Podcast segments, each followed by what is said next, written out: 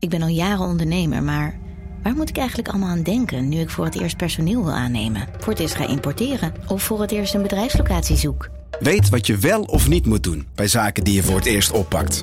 Check kvk.nl voor praktische stappenplannen.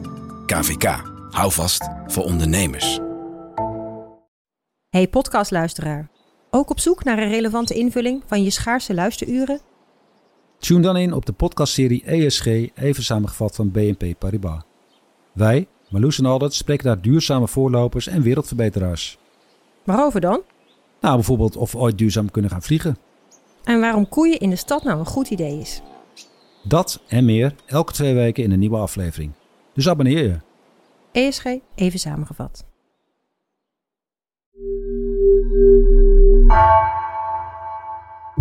Vanaf de Tweede Kamer der Staten-Generaal het verhaal van vandaag. Mijn naam is Thomas Rup.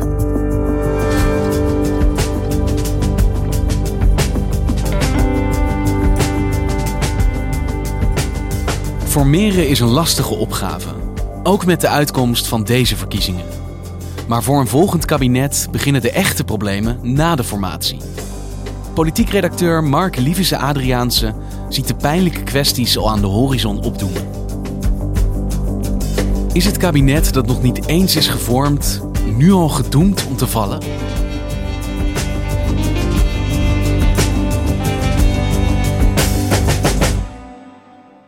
Daar komt hij. Twee zetels erbij, 35 zetels dus voor de VVD. D66 boekte onder leiding van Sigrid Kaag een grote winst en is de tweede partij geworden. Echt geweldig, jongens. Ik heb er bijna tranen van in mijn ogen. Het is, uh, het is pijnlijk. Uh, maar op een avond als vandaag hoort het er vooral bij om de winnaars te feliciteren. Sigrid Kaag heeft echt een fantastische campagne gevoerd. Dus mijn hartelijke felicitaties voor haar. En natuurlijk ook voor de VVD. Ja, ik ben ontzettend uh, blij. Ja. Echt ontzettend blij. Het is voor de vierde keer op rij en dat is gewoon heel bijzonder. En ook de eer te mogen hebben om de coronacrisis, om het voortouw te mogen hebben als grootste partij, dat, is, ja, dat maakt ze heel nederig. Nou ja, je hoopt natuurlijk altijd op nog meer. We hadden op een gegeven moment zelfs het gevoel, we gaan 76 zetels halen. Dat hebben we niet gehaald. Is er gevloekt, gescholden, gehuild na de uitslag? Nou, kijk, het is natuurlijk duidelijk dat dit teleurstellend is. Um, en dat zal voor iedereen die hier zit zo zijn. Was ook voor mij zo. Tegelijkertijd ja, is er heel hard gewerkt door heel erg veel mensen. En is nu de kunst om ook weer vooruit te kijken. En dan heeft iedereen het altijd aan het einde van de verkiezingsperiode over hoe zal het met die politici zijn, leven ze nog? Maar ik denk natuurlijk meteen, hoe zal het met onze Haagse journalisten zijn? Mark, leef je nog? Ja, ik kom deze dagen door op uh, weinig slaap en veel adrenaline. Maar je zit er nog? Zeker, ja, ja ik heb heel veel espresso op vanochtend. Is het al te vroeg om met jou te bespreken hoe we gaan terugkijken op deze verkiezingen? ja, kijk, het gekke is dat, dat deze campagne natuurlijk niet één groot verhaal had. Um, dit was de campagne waarin we eigenlijk vanaf het begin dachten: Rutte wint dit wel even. Nou, dat is op zich gebeurd. Hè. De, VVD heeft de verkiezingen gewonnen. En toch onder het oppervlak, of voorbijgaand aan de VVD, zie je wel een aantal verrassingen. Hè. D66 dat het verrassend goed heeft gedaan. Um, populistisch rechtse partijen die bij elkaar opgeteld groter zijn dan ooit. Hè. Dat, dat, dat, dat is gewoon een, een uh, gevestigde politieke stroming in Nederland. Um, de ineenstorting van links. Um, versplintering. Maar niet alleen dat. Kijk, er komen nu 17 partijen in de Tweede Kamer. Dat is een record. Um, het vorige record was 14 partijen. Dat had je bijvoorbeeld in 1972 ook. Dan had je een aantal hele kleine partijen. Maar je had ook twee hele grote partijen. De PvdA en het CDA. En dat waren eigenlijk rivaliserende politieke elites. Die uh, al naar gelang de uitslag een kabinet konden formeren dat ontbreekt nu. Je hebt de VVD, dan heb je een hele tijd niks. Dan heb je nog D66 en dan heel veel partijen die allemaal een beetje meedoen. En dan een heleboel hele kleine partijen. Dus die fragmentering heeft doorgezet. Je ziet het op links met bijvoorbeeld Bijeen. Um, ook een beetje met Volt. Met de Partij voor de Dieren die weer een beetje lijkt te winnen. Die eigenlijk al 15 jaar bezig is aan, aan een opmars. Dus uh, allerlei kiezersgroepen die tot een jaar of twintig geleden uh, of tot een jaar of tien geleden samenkwamen in grote massapartijen, die zijn uit elkaar gevallen. En daar is eigenlijk niks voor teruggekomen, behalve heel veel kleine partijtjes die, uh, ja, je zou bijna kunnen zeggen, een soort bubbelpolitiek voeren. De reuzen verdwijnen en daar komen gewoon heel veel kleinere partijen met hele specifieke punten voor terug. Ja. Hey, en dan zijn we nu in de Tweede Kamer in Den Haag. En ik kijk naar buiten en in een soort naïef idee heb ik dan het gevoel dat het hier chaos moet zijn. Mensen die hysterisch met wapperende papieren over straat rennen. Maar het voelt heel rustig. Wat is hier nu aan de gang? Um, gisteren zijn de partijen bijeengekomen in hun nieuwe samenstelling om de verkiezingsuitslag te vieren dan wel te betreuren. Er is een verkenner aangewezen en daarmee begint het eigenlijk, namelijk het formeren. En het bouwen aan een nieuwe coalitie die in principe in Nederland vier jaar zal gaan regeren, maar die ook zomaar veel korter zou kunnen gaan zitten. En nu ben ik natuurlijk niet zo ingevoerd als jij in de politiek, maar ik hoor me heen dat formeren misschien helemaal niet eens zo ingewikkeld hoeft te worden met deze uitslag.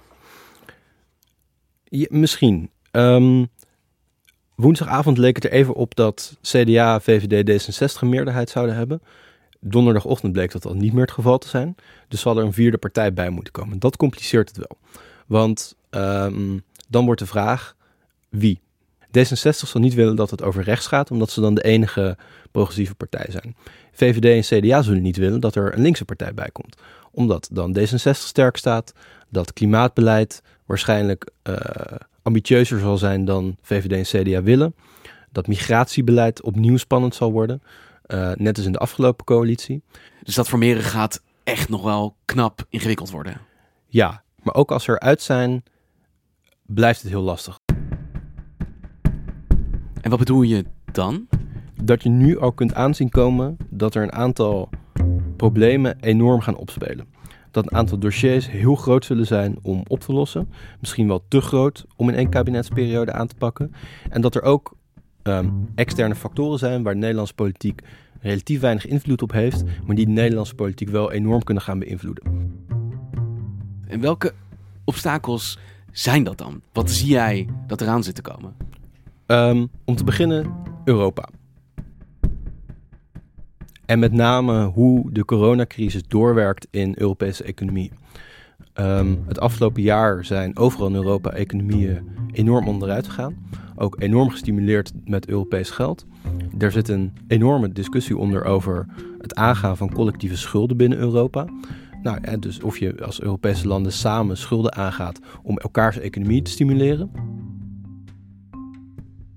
Om de economische crisis vanwege corona in Europa te bestrijden zijn er veel plannen, van noodfondsen tot gezamenlijke obligaties. Nederland en Duitsland moeten vooral van dat laatste niks hebben. Zij willen niet garant staan voor het reilen en zeilen van de Italiaanse, de Griekse of de Franse economie.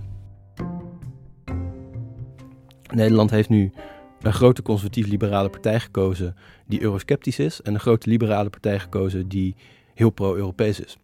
Dat gaat wrijven in een coalitie. VVD tegen D66. Inderdaad, ja. En dan zijn we er nog lang niet, want dat zijn buitenlandse discussies die binnenlandse politiek gaan beïnvloeden. Maar ook in Nederland zijn gewoon enorme problemen, uitdagingen, dossiers waar het kabinet de komende jaren mee aan de slag moet. Het zijn obstakels die zich nu al aftekenen, want waar denk je dan aan? Woningmarkt bijvoorbeeld. Um, bijna alle partijen willen de komende tien jaar 1 miljoen huizen gaan bouwen. Uh, waarom is dat specifiek ingewikkeld voor ja, een nieuw kabinet en een nieuwe coalitie? Twee redenen. Om te beginnen stikstofuitstoot. Bouwen betekent uitstoot van stikstof. Nederland moet haar stikstofdoelen halen. Dan moet je het ergens anders weghalen. Bijvoorbeeld met halvering van de veestapel. Waar het afgelopen kabinetsperiode natuurlijk vaak over is gegaan. Wat boerenprotesten heeft opgeleverd. En wat ook voor toenemende vrevel heeft geleid tussen CDA, VVD aan de ene kant, D66 aan de andere kant.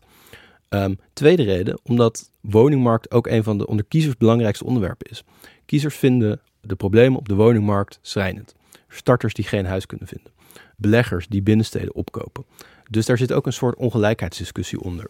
Uh, en daarmee ook een bredere ja, discussie over de verdeling van, van welvaart in Nederland. Dus welke coalitie er ook komt, de kans is groot dat dit ook nou net een onderwerp is waar heel moeilijk overeenstemming in te vinden zal zijn. Want het ja, is heel makkelijk om 1 miljoen huizen te willen, maar de vraag is waar en de vraag is hoe. En wat je bereid bent om daarvoor op te geven. Oké, okay, dus we hebben Europa, de woningmarkt en daar houdt het niet op, meen ik aan je gezicht af te lezen. Nee, de arbeidsmarkt. Vorig kabinet is er een enorm rapport gepresenteerd door de commissie Borslap. De commissie Borslap heeft eigenlijk een herziening van de arbeidsmarkt onderzocht. Wat is er nodig om de arbeidsmarkt beter te laten functioneren eerlijker te maken, ehm, ook voor jongeren. En wat is er nodig volgens deze commissie? Enorm veel. De regels van onze arbeidsmarkt moeten volledig op de schop. Vaste contracten moeten minder vast worden en flexwerk moet meer vast worden. Anders worden de maatschappelijke scheidslijnen in onze samenleving alleen maar groter... en zal onze economie minder groeien. Dat stelt de commissie Borstlab in een adviesrapport. Dat heeft een heel dik rapport opgeleverd... waarvan de conclusie onder meer is... vastwerk moet minder vast worden en flexwerk minder flex. Dat is een adagium waar partijen graag in shoppen. Dus je ziet op links dat zij graag flex wat minder flex willen maken... Je ziet op rechts dat ze vast wat minder vast willen maken. Maar de synthese die Borstlab voorstelt, wordt niet heel breed gedeeld. Dus als je het hele rapport wilt gaan overnemen, ga je de hele arbeidsmarkt op zijn kop gooien. Een fundamentele herziening van hoe werken in Nederland eigenlijk werkt. Precies, ja. Dus je kunt het ook niet doen. Um, maar dan zullen de problemen die iedereen constateert, dus een grote kloof tussen, tussen flex en vast, tussen jong en oud, enzovoort, enzovoort, achterblijvende lonen, die, die problemen worden groter. En dan is het dus een, volgend kabinet, na, na het komende, uh, zal dat dan op moeten gaan lossen.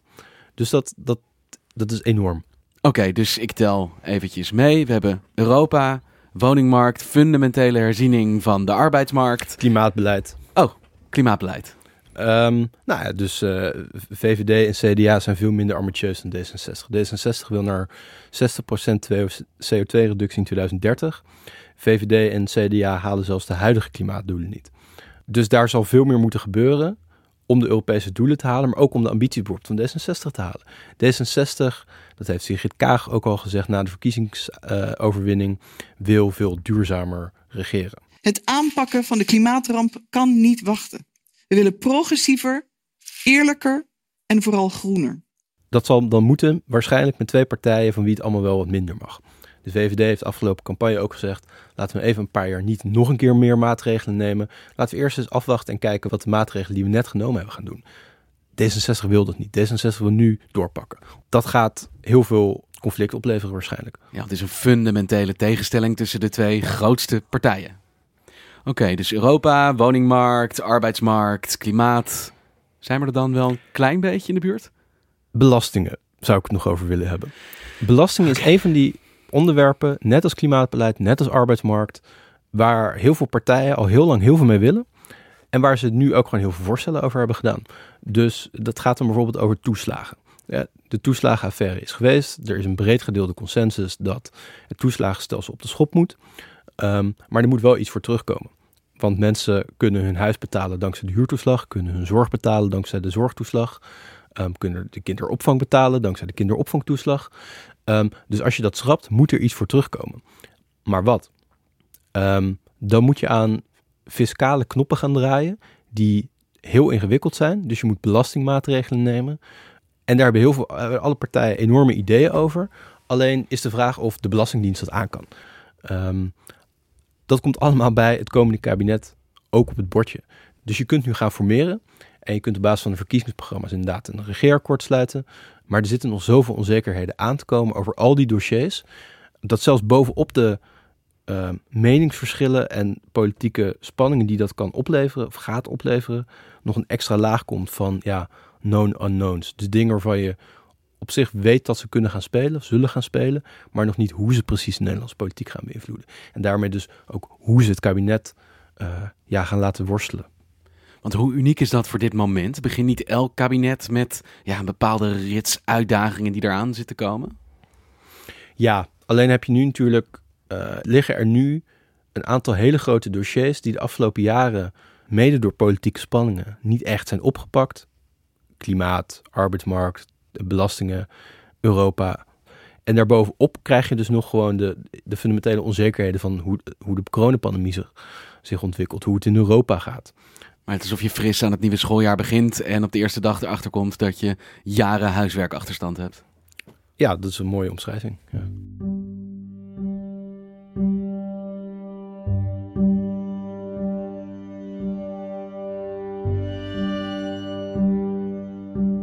Ja, het risico is dan dat het verlammend werkt. Dat er zoveel grote problemen zijn die je eigenlijk, waar een nieuw kabinet eigenlijk nu mee aan de slag zou moeten, dat je niet weet waar je moet beginnen. De zoveel is dat je eigenlijk niets gedaan krijgt. Wellicht, ja.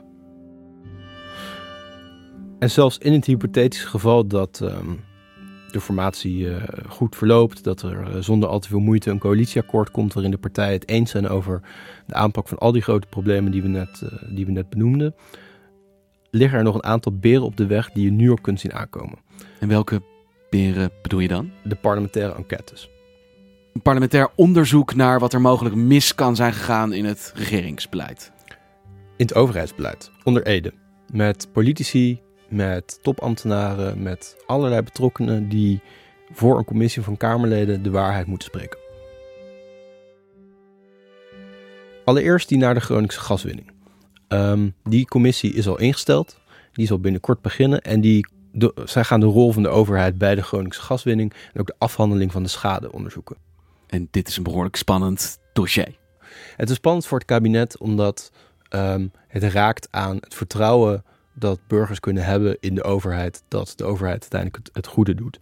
Um, waarbij met name de VVD natuurlijk de afgelopen elf jaar geregeerd heeft, um, ook daardoor mede verantwoordelijk is voor wat er in Groningen is gebeurd.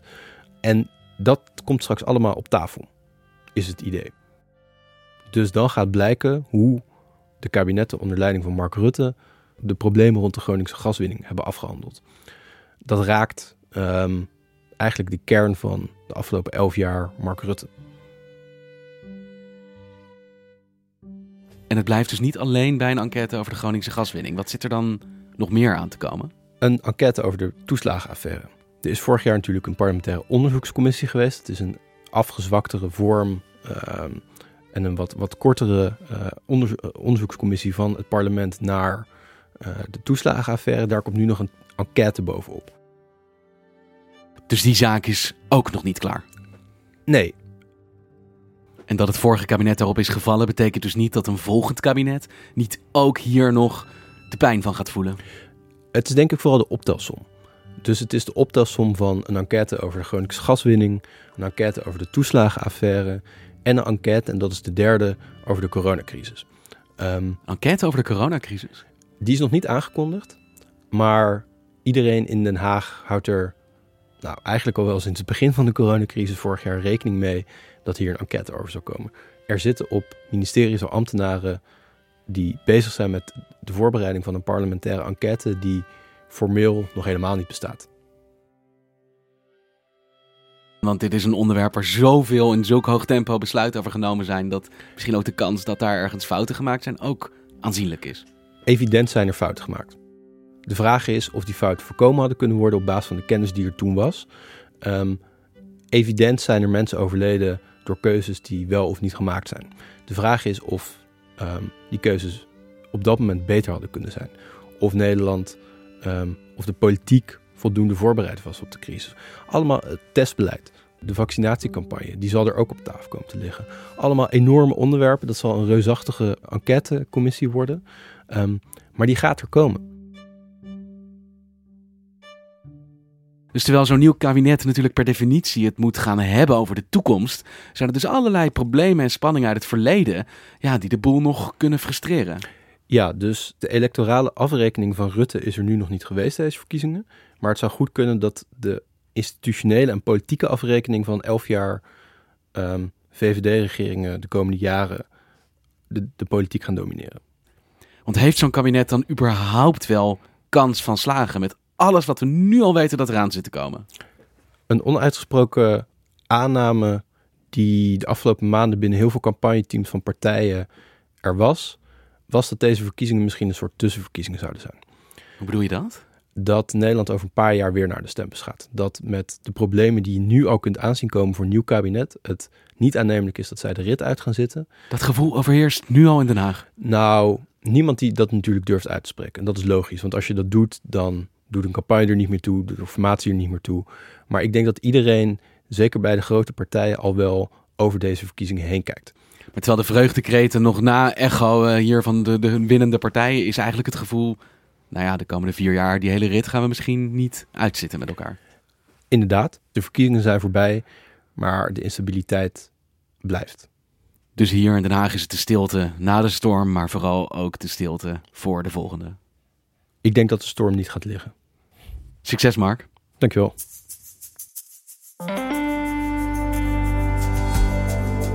Ben je ook benieuwd welke partij straks met wie wil of niet, of gaat met die of die ander? Of... Onze politieke podcast Haagse Zaken bijt zich morgen vast in de formatie. Luister Haagse Zaken elke zaterdag in NRC Audio of elke andere grote podcast-app. Deze aflevering werd gemaakt door Misha Melita en Jennifer Patterson. Dit was vandaag maandag weer.